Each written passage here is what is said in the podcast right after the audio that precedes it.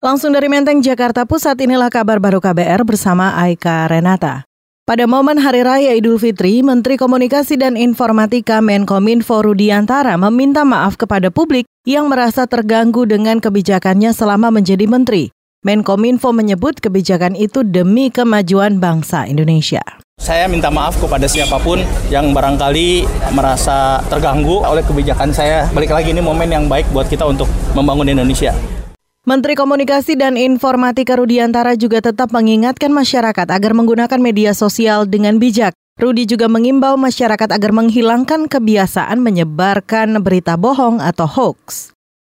Kita beralih saudara, suasana lebaran di Inggris tahun ini terasa berbeda. Selain dapat menikmati kuliner khas lebaran seperti opor ayam, rendang, telur balado, dan kerupuk, masyarakat Indonesia juga menikmati alunan merdu kesenian khas Jawa Barat. Pada momen lebaran tahun ini, komposer Kiai Fatahillah didatangkan secara khusus dari Indonesia untuk memeriahkan perayaan Idul Fitri di London dan memberikan suasana berbeda dari lebaran tahun sebelumnya.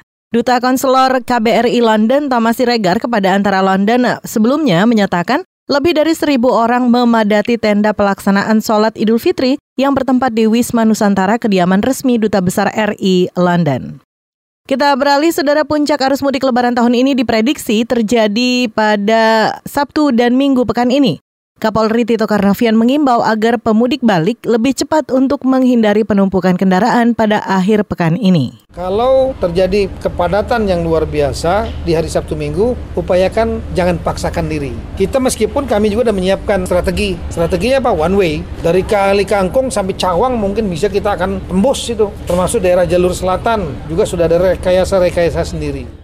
Kapolri Tito Karnavian mengimbau agar pemudik selalu memantau perkembangan arus lalu lintas baik di media massa, media sosial, ataupun aplikasi peta daring. Sebelumnya, saudara kepolisian memprediksi akhir pekan ini merupakan puncak arus balik karena sejumlah perkantoran sudah mulai beraktivitas pada Senin 10 Juni mendatang.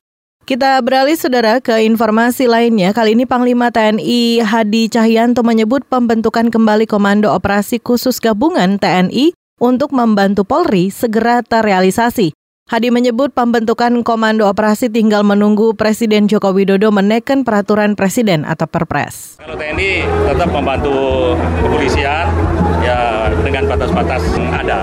Artinya ya. sepanjang polisi nanti ada permintaan, kita bantu. Sudah siap. Ya, apalagi kan TNI sebentar lagi punya Kopsus TNI ya, nah. yang tujuannya adalah untuk uh, membantu menangani tindakan kejahatan teroris. Kita kita nunggu lanu aja nih, kepres saja. Oh, ya, mudah-mudahan dalam waktu dekat. Sebelumnya, Saudara Panglima TNI Hadi Cahyanto menyebut dalam Undang-Undang TNI bisa uh, dalam Undang-Undang TNI bisa ikut memberantas terorisme karena peran itu termasuk dalam deretan tugas operasi militer selain perang atau OMSP. Dalam kasus terorisme, kata Hadi, TNI juga bisa berperan utuh mulai dari deteksi dini, pencegahan, penindakan, pemulihan, serta pengawasan.